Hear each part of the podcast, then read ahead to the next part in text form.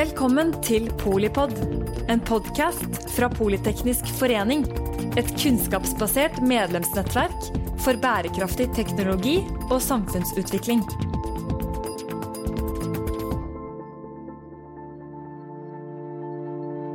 Velkommen til eh, Polipod og en viktig episode om media i eh, polariseringens tid. Med oss i studio så har vi Christian Kjelstrup, som er redaktør i Samtiden. Vi har med Ingunn Solheim, som er journalist i NRK. Og Ingrid Wiik, som er styremedlem i Utsyn, eh, vår partner her i Politeknisk forening. Mitt navn er Mette Vågnes Eriksen, jeg er generalsekretær her. Kristian, hva, hva, skjer i samtiden? Ja, Der skjer det jo Hvis du tenker på tidsskriftet Samtiden og Samtiden med Litenes, så er fellesnevneren, eh, som du sa, dette polariseringsordet. Eh, fordi eh, en foranledning for at vi tre sitter og snakker sammen, er at Samtidens siste nummer nettopp tar opp det. Fordi det er noe vi ser i samfunnsdebatten hele tiden, enten temaene er Og de kjenner vi til, ikke sant? Innvandring, kjønn, likestilling. Så virker det som det er en sånn tendens til at liksom offentligheten deler seg i to, og at nyansen er vanskelig å få frem. Um, så det er det vi skal snakke om, og jeg skal ha fått lov å lede denne samtalen. Men det er dere to som er hovedpersonene, Ingrid og Ingunn. Bare gjenta det. Ingrid Vik, du har altså skrevet i dette siste samtidsnummeret. skal vi snart tilbake til. Og, eh, og, du, Ingunn Solheim, er jo da programleder tidligere for Debatten og Nyhetsanker Dagsrevyen. Så uh, har du også stått bak et program, eh, eller vært programleder i det som heter Einig, som vi også skal snakke om. Se om vi kan bli einig i polariseringens tid. Um, jeg tenkte jeg skulle starte med noen ord om dette polariseringsbegrepet, hvis det er i orden. Hva er det vi egentlig snakker om? Eh, I en polsk eh, avis eh, så, så jeg en vitsetegning i sommer i forbindelse med valget i Polen. Hvor det polske folket blir angivelig spurt av denne tegningen. Er Polen polarisert? Ja, sier 50% Nei, sier de resterende 50% Altså, Polen er polarisert, og nå kommer valget i USA, og vi ser noen av de samme tendensene til en sånn fullstendig splittelse av landet i to. Da. Politisk. Det kan vi vel ikke snakke om her. Her er det mer en fragmentering nesten av det politiske landskapet med noen nye fløypartier og et parti som heter Sentrum. Men det vi skal snakke om i dag, det er jo da polarisering i et annet landskap, i, i medielandskapet. Og Det er ikke vanskelig å gå inn på sosiale medier hver dag og, og, og få den følelsen av at her er det ofte to skyttergraver i betente spørsmål særlig. Uh, men, eh, men, siden du Ingunn, kommer fra de mer tradisjonelle mediene, så skal vi vel kanskje konsentrere oss mest om de politiske debattflatene og deres ansvar for å bidra til en kunnskapsbasert og opplyst god samtale. Du Ingrid, du skriver altså i eh, siste Samtiden en tekst som heter 'Postpolarisering eh, en vei ut av uføre?' spørsmålstegn. Så da eh, virker det som om eh, premisset her er at vi er et slags uføre. Og hvis du tenker på da særlig dette vi skal snakke om, om mediene og, eh, og debattprogrammene, hva tenker du er, er det som kjennetegner dette uføret? Ja, altså, jeg, jeg, har vært opptatt av dette spørsmålet ganske lenge. fordi jeg syns vi har sett en utvikling over tid.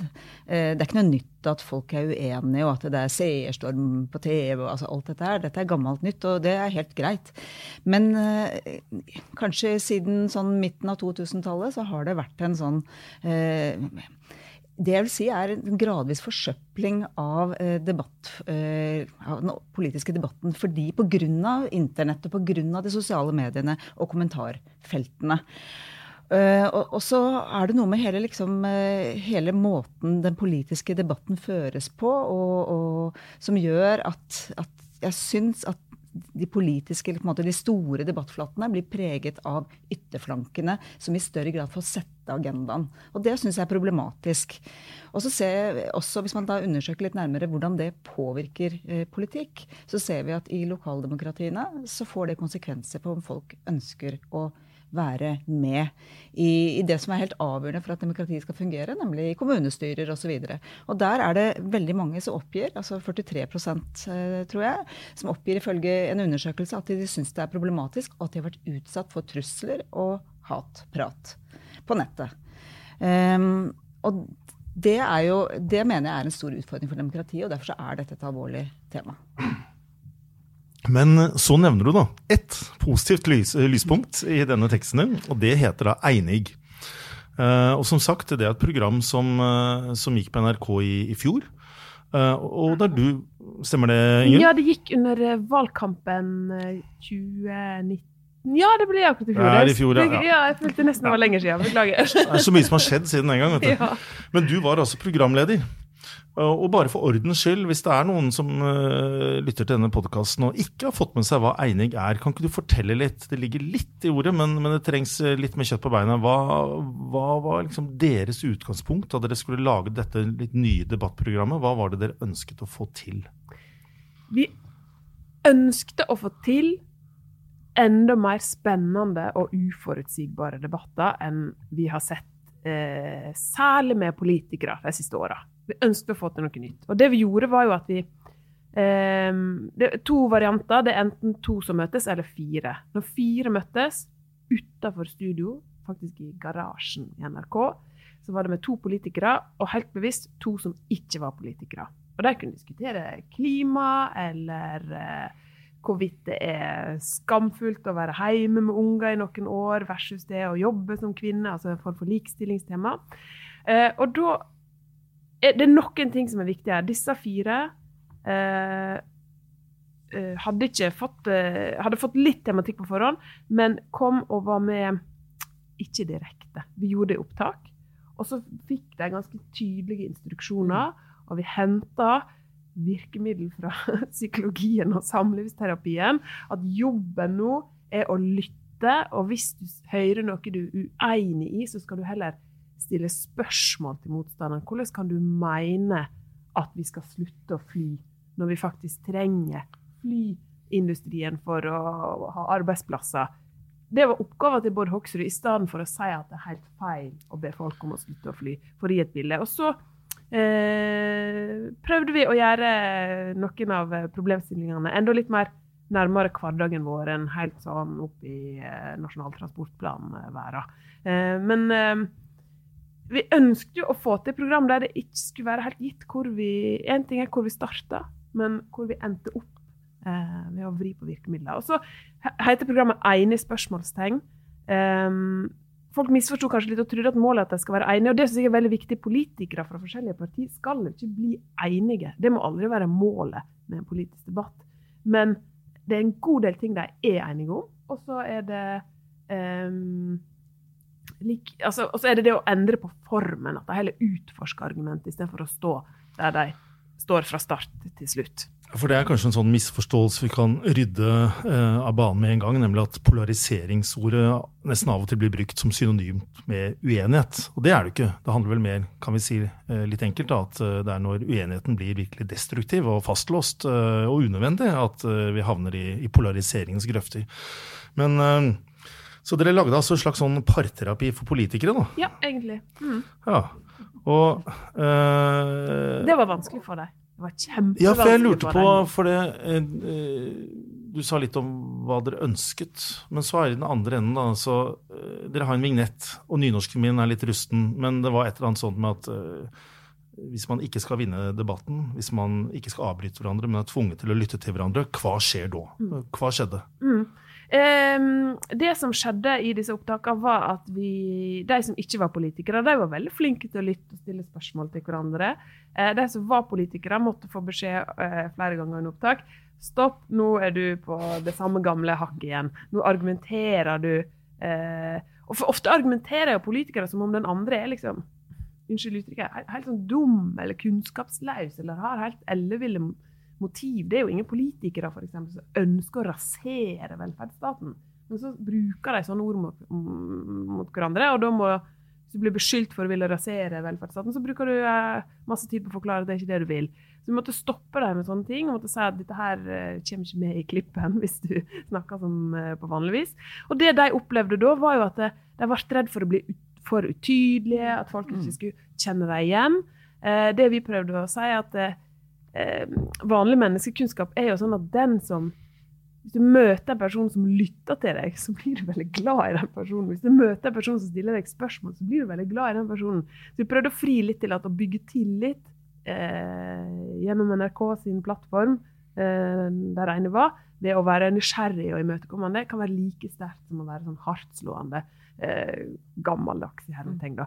Men vi måtte, vi måtte, jobbe mest med politikerne. De det var, de, de, mange norske politikere er helt enig i intensjonen med enig i hodet sitt intellektuelt. Så det er veldig vanskelig når de skal gjøre det på ekte. Men jeg vi, fikk det jo til, eh, syns jeg, eh, flere ganger. Eh, vi skal vende tilbake til teksten til Ingrid, men bare stille deg et spørsmål. Altså, du sa at uh, det dere ville, var å lage et uh, annerledes og spennende program. Og hvis jeg skal være litt slem, da uh, Fordi jeg må innrømme at jeg har jo snakket med folk som ikke har fått med seg at Eini finst. Ja. Uh, og som kanskje har andre debattprogrammer i NRK, som der hvor du selv har vært programleder, Debatten eller Dagsnytt 18 eller Politisk kvarter, høyere opp i bevisstheten. da. Og det kunne jo tyde på at det er konfliktbaserte eller uenighetsbaserte programmer som funker. da. Ja. Uh, så min liksom, onde tanke er at uh, å være for enig, det blir for kjedelig, da. Ja, eller, eller, var, er det en urettferdig en urettferdig observasjon? Nei, vi er nok som seere litt sånn Om ikke schizofrene, men altså, vi har nok litt lett for å si at vi ønsker oss mer forståelse og mindre polarisere, eller mindre harde konflikter Eh, på TV i debatter enn det vi faktisk vil når vi til slutt skal sette oss ned og se. Eh, men jeg tror altså Enig er under oppbygging. Eh, jeg tror vi, eh, vi har laga fem program.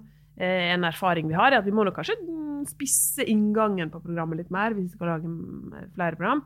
Men eh, så publiserte vi dette, det er jo en liten sånn minor detail, men vi publiserte det først og fremst digitalt, altså på den nettspilleren til NRK. Den er også litt under oppbygging. sånn at debatten og Dagsrevyen, som har vært der i eh, årevis, er nok selvfølgelig mer kjent. Men jeg tror veldig på at behovet er der, særlig for folk under 50. For de når NRK i mindre grad med debatter i dag enn for bare 10-20 år siden. Det er ingenting som tyder på at folk under 50 er mindre samfunnsengasjert. Og så kan altså denne serien med programmer den kan jo ses da på NRKs nett-TV fortsatt, til de som skulle ønske det. da. Veldig litt, tidløse, litt reklame der. Tidløse tema. så det er ja. å se. Eh, men Ingrid, du hører nå, ikke sant, vi snakker om dette triangelet da, mellom politikere, media og, og lyttere eller seere.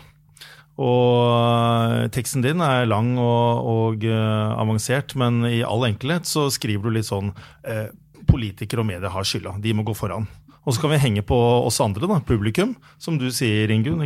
Kanskje egentlig sitter og ønsker en opplyst debatt. Alle kan kjenne seg igjen i dette. liksom sånn ubehaget ved en sånn form hvor politikere rekker opp hånda, avbryter hverandre, rister på hodet, himler med øynene. Liksom, må, må, det være sånn?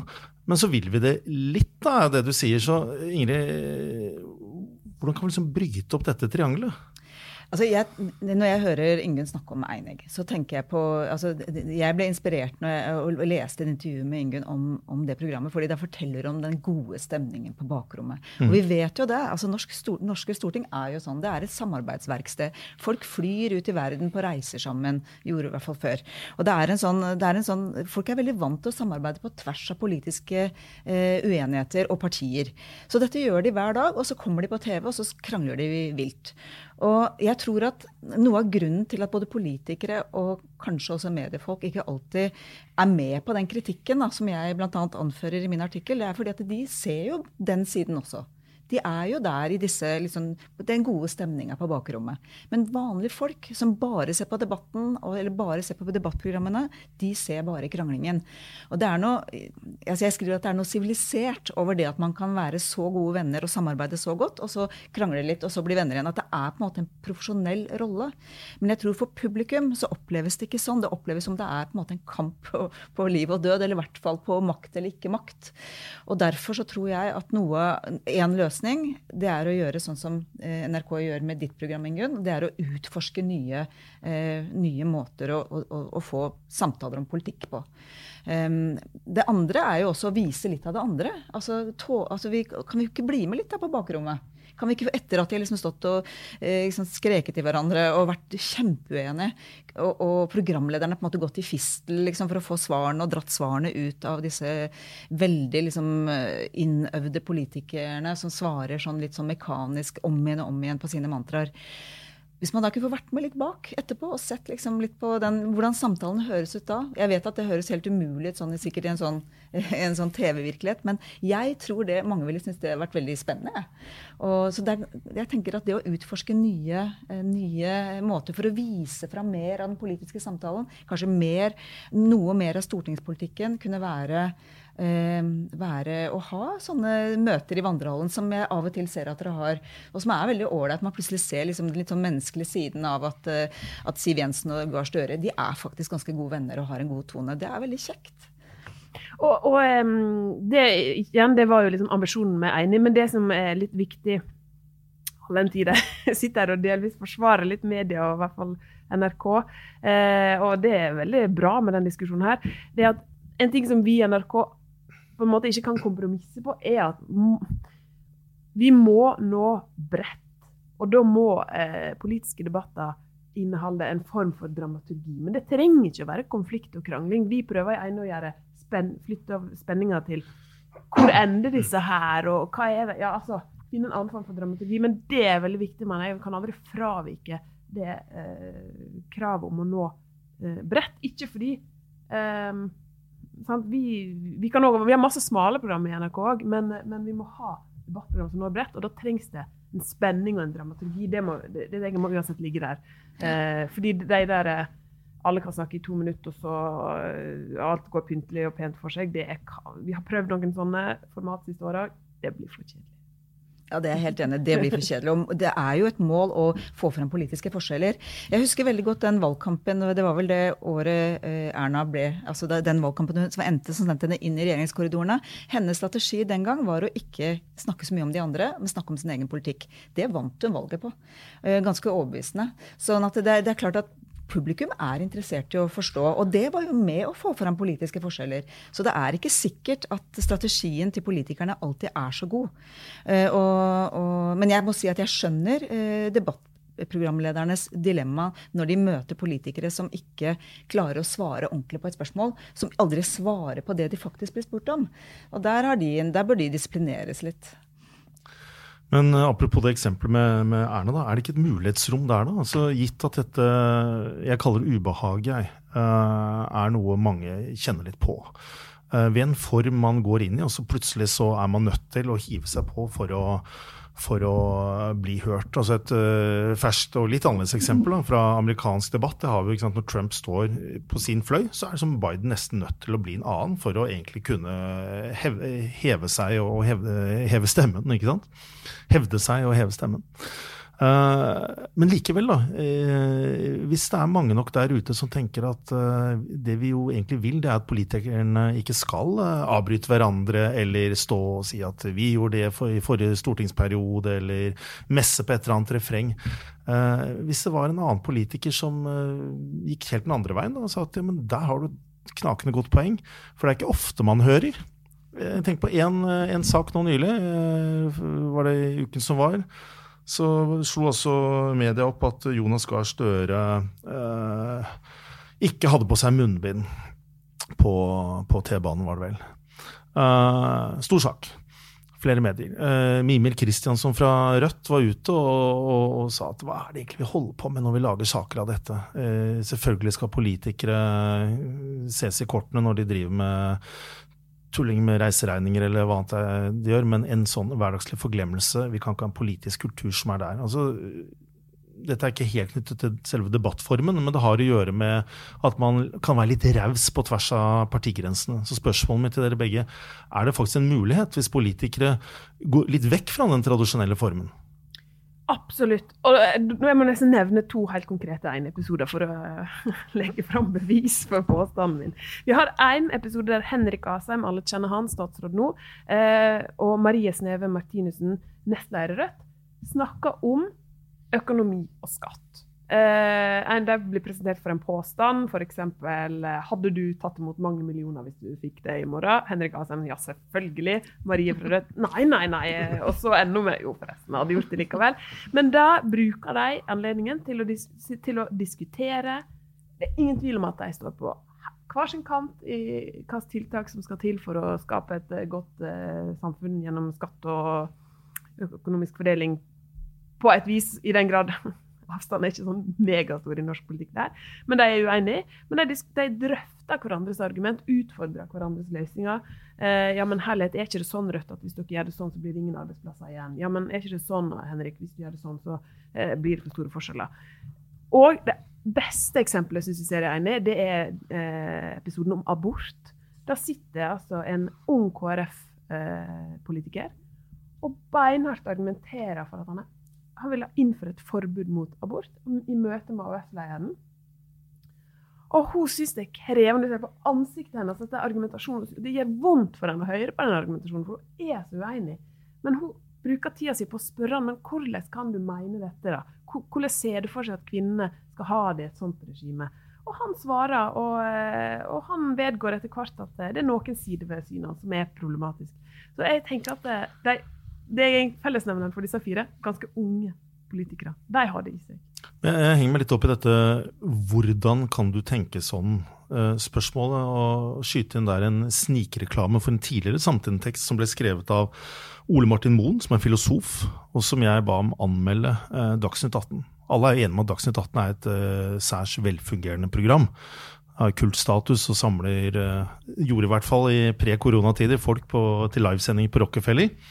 Men det Ole Martin Moen skriver i et uh, forsøk på en konstruktiv kritikk, vil jeg si, er at uh, istedenfor at man hele tiden uh, kaster ut sine ulike argumenter, kan man ikke også fra programlederhold gå videre og spørre hvorfor mener du det du mener? For de aller fleste vil jo vel. Ja, ja men du misforstår litt spørsmålet, for det er egentlig det som skjer. Og det må jeg legge til, som jeg ikke sa i starten av episoden, er at eh, jeg som programleder har jo trukket meg helt unna. Det tror jeg òg er en liksom suksesskriterium, dessverre eller heldigvis, i enekonseptet. Det, det er opp til dem sjøl. Men, mm. men, det at de utforsker hverandre sine standpunkt, gir etter mitt syn en mye mer spennende diskusjon, en mye mer imøtekommende diskusjon, og du veit ikke helt hvor det skal ende. Du begynner å lure på hva skal han ene skifte litt mer? Eller eh, altså, skal den ene bli litt overbevist av den andre? Det, det, blir ganske spennende å se på. Og da, og da i stedet for å um, slå fast at argumentet ditt er etter mitt syn feil, så utforsker jeg det heller. Og på den måten får jeg jo ganske godt fram hva jeg sjøl mener. Det,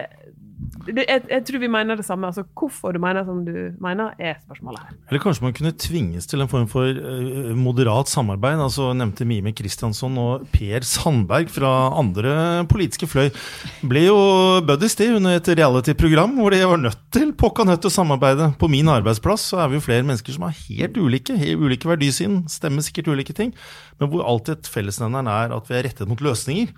Det syns jeg alltid drukner litt i disse debattene. Men, men Ingrid, eh, nå kan det høres ut som det vi egentlig sitter og snakker om er eh, uenighet, mens eh, det innledningsvise stikkordet altså var polarisering. Så jeg lurer på eh, Har du noen eksempler på eh, noen observasjoner du har gjort deg fra enkelte programmer hvor eh, det ikke bare er fullstendig uenighet, men hvor rett og slett samtalen blir polarisert? Ja, det fins mange eksempler på det. Og jeg tror noe Det oppstår ganske ofte når altså, Det er litt grann hvem som er med i debatten. Altså hvem er det som man inviterer inn? Og der tenker jeg at en litt mer kanskje bevisst rolleforståelse eh, kan være på sin plass. At man ikke alltid bare jakter på motsetningen, altså ytterfløyene, som kanskje kan være med å sette agendaen, men som i praksis ikke kanskje er de som til syvende og sist har makt til å endre disse spørsmålene vi diskuterer. Og så er det en annen ting, og det er at man, at man en, en, ganske vanlig ting man kan se, det er at man, man, man inviterer en politiker og en forsker. Og så blir, eh, liksom, så blir det likestilte eh, eller, altså Det er egentlig epler og bananer, men det blir på en måte likestilte aktører. Selv om den ene eh, har, formidler en, et kunnskapsbase, og den andre formidler eh, et politisk ståsted. Eh, jeg bruker et eksempel fra klimadebatten, hvor en, sant, en, en klimafornekter, eh, politisk aktør, sitter da med en forsker. Og så blir på en måte for lytteren sannheten et sted midt mellom. Man likestiller på en måte forskningen med en politisk mening. Nei, jeg tror ikke på det du sier. Det er ikke sant. Og, så, og det blir en, veldig, jeg, en måte å ødelegge jeg synes, forsøple debatten. Så det å ha en litt sånn større og dypere forståelse av roller, og gjerne bruke forskere, det er helt topp, men de kan ha en, kanskje en litt mer sånn kommenterende rolle, eh, men ikke liksom bli satt i hardkorn med politikere. Det tror jeg er utrolig viktig. Så skal vi huske på at 60% svarer i en undersøkelse at de mener at disse, mange av disse debattene, de store, gode ofte debattene, eh, har for mye politisk spill. Eh, det er for mye negativitet. Det er for mye eh, altså for mye krangling. Og så er det nok litt sånn som du sier, Ingunn, at, at en ting er å si det og mene det, en annen ting er å faktisk gidde å se på det. Uh, sånn at her må man nok finne Jeg tror man skal gå, bruke litt tid og energi på nettopp å utforske disse formatene. Og Det er litt det jeg tar til orde for. Jeg er ikke opptatt av å få en tannløs, kjedelig debatt. Men jeg mener også at en mer si, dialogisk form tydeligere kan få fram forskjellene, gi muligheten for den enkelte til å, til å på en måte få lagt fram sitt syn og sin, sin agenda. Eh, og synliggjøre seg selv da tydeligere, både for lyttere og for motparten. Bare deg om dette siste. Altså, du har jo en eh, mangfoldig bakgrunn. Du har akkurat skrevet en doktoravhandling om forhold mellom religion og norsk utenrikspolitikk, og, og du har jobbet med konflikthåndtering. Da tenker jeg, når du nevner dette stikkordet dialogisk form, er det noe å hente der fra det du har bedrevet? Ja, ja, det er to ting jeg vil si. og Det ene er det litt sånn alarmistiske. at jeg, Ved å se på hvordan eh, debattene, eller den politiske kulturen i veldig tøffe konfliktområder, f.eks. på Balkan, eh, hvordan de, den blir ødelagt av polarisering, og hvordan det skaper hel, flere helt sånn parallelle universer. Og hvor farlig det er for, måte, for demokratiet. Det er det ene. Og det andre er jo at i dialogen, som mange tenker er et, nettopp et mål om å bli enige, er jo akkurat som du sier, Ingunn, det er ikke det som er målet. Det er å få fram forskjellene. Og så er det jo faktisk sånn at uansett hva man måtte mene om det ene eller det andre, så tror jeg at de aller fleste ønsker eh, trygghet for barna sine, en sikker inntekt og, og basically sikkerhet og, og liksom stabilitet rundt seg. Og, og at man har ulike løsninger på det, det er jo helt legitimt.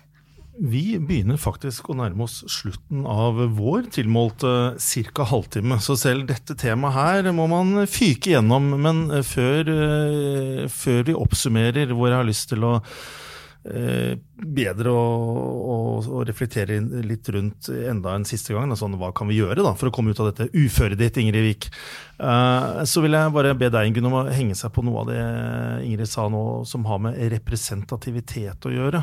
For det er jo interessant å høre hva du fra din side av bordet tenker om det. Når dere setter sammen paneler eller debatter, så er vi jo vant til et, et stort uh, mangfold. Men, men det Ingrid adresserer, er på en måte at av og til så er det tilsynelatende representative ikke representativt likevel, hvis en klimafornekter eh, som står for 3 eh, av en eller annen, eh, et meningsmangfold der ute, møter den som representerer 97 mm. Ja, det, det, er det som i vårt språk er falsk balanse.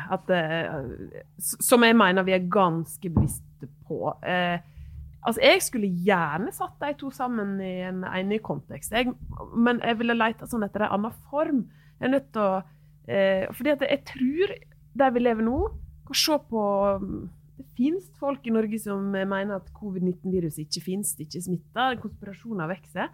Så personlig så tror jeg litt på at, at de må slippe til. Eh, men de kan godt møte en pandemiekspert som Hvis en klarer å få de to til å lytte til hverandre og det er ganske viktig. Det oppdager jeg veldig med politikerne. Nå må du lytte til motstanderen. Det betyr ikke å tenke på det neste du sjøl skal si. Det betyr jo aktivt å lytte og ja, men Hvordan kan du forklare eh, det du mener, og stille oppfølgingsspørsmål? Og, og leite etter hva er det denne pandemimotstanderen, hvis det finnes, egentlig eh, funderer eh, Eller liksom eh, legger til grunn. Eh, så tror jeg på at de to kan møtes. Men de kan ikke møtes som om altså, at klimaskeptikeren og forskerne som forsker på klima, sine standpunkter er like masse verdt. Det vet vi at de ikke er lenger. Så jeg Men jeg, jeg tror jeg har begynt å skjønne mer og mer at du må lete litt etter personligheter som ønsker å utforske argumentasjon når du skal sette sammen panel, enn bare sånn se på rollekartet. Men dette med å ikke lytte til den andre, eller å kanskje ikke klare å bryte med egen horisont, det, det gjelder jo oss alle, uansett hvor vi kommer herfra og derfra. Bare skyte til kort for, for I hvert fall i samlivsterapien. ja, det fortjener nok eh, flere ulike podkastsamtaler. Men, men, jeg tenker på liksom, dette med de alternative mediene, som vi ikke rekker å komme inn på her, som jo er en direkte reaksjon på det at mange opplever at de ikke blir lyttet til eller hørt. Og vi ser jo enten det er eh, Nå gjør et stort sveip. Eh, populariteten var til Senterpartiet antielitisme er tror jeg, et, et, nøkkelord, eller i veldig mange andre land, så er det store sjikt av samfunnet som jo er i opposisjon til disse forskerne som alltid får ord. ikke sant? Det får bli neste episode. Jeg må runde av denne podkastsamtalen, og eh, da vil jeg jo stille dere dette leninistiske spørsmålet. Hva kan gjøres, da? Er det realistisk å uh, liksom få en, denne ideelle samtalen vi liksom ser for oss, hvor politikere sitter og, og, og lytter, eh, og eh, mediene er bare konstruktive. Jeg husker jeg leste en bok på videregående som het eh, 'Pengene eller livet' av Erik Damman. Den handlet om det, en klimaklassiker. og Hans poeng er jo at ja, vi må bryte ut av vekstøkonomien, men ingen tør å ta det første skrittet. For hvis jeg gjør det, så vil de andre fortsette som før, og så er vi tilbake. Vi er låst i et spill. Det føler jeg gjelder litt her også. Så Igjen, først du, Ingrid, og så du, Ingunn.